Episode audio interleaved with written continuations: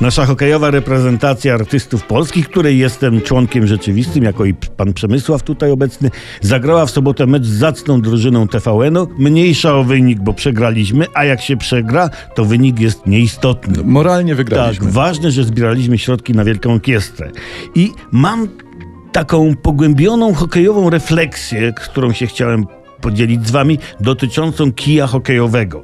Pełni on dość ważną rolę w hokeju. Gdyby nie kije hokejowe, prawda, to grupa zdezorientowanych mężczyzn i kobiet czasami jeździłaby po lodowisku na łyżwach w tych śmiesznych strojach i pytaliby się jeden drugiego, co my tu robimy i co ten okrągły czarny przedmiot na lodowisku oznacza. Mówią do niego krążek, to śmieszne, prawda? Jak powiedział mi kiedyś Bronek Smoleń, producent kijów hokejowych i sponsor naszej reprezentacji, kijowe to sponsorowanie, więc ważne, więc Bronek Smoleń mawia, że kij ma dwa końce.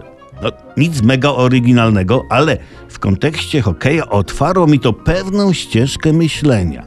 Bo to, że kij hokejowy ma dwa końce, to jest to jego najważniejsza funkcja. Tak, bo jak wyjeżdżasz na lodowisko w trakcie meczu, to jest się o co oprzeć trakcie tej szalonej gry i gdzieś z boczku przeczekać nieruchomo swoją zmianę na lodowisku oparte o kija. Właśnie oprzeć, bo lód jest śliski, na nogach łyżwy, o wywrotkę nie trudno, a nawet łatwo.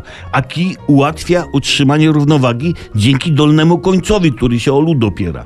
I patrzcie, nawet znane powiedzenie, wygłoszone w odpowiednim kontekście, może poprawić bezpieczeństwo człowieka. Dzięki Brońkowi hokej stał się dla mnie dużo bezpieczniejszy i łatwiejszy, i mniej męczący, a o to chodzi w życiu.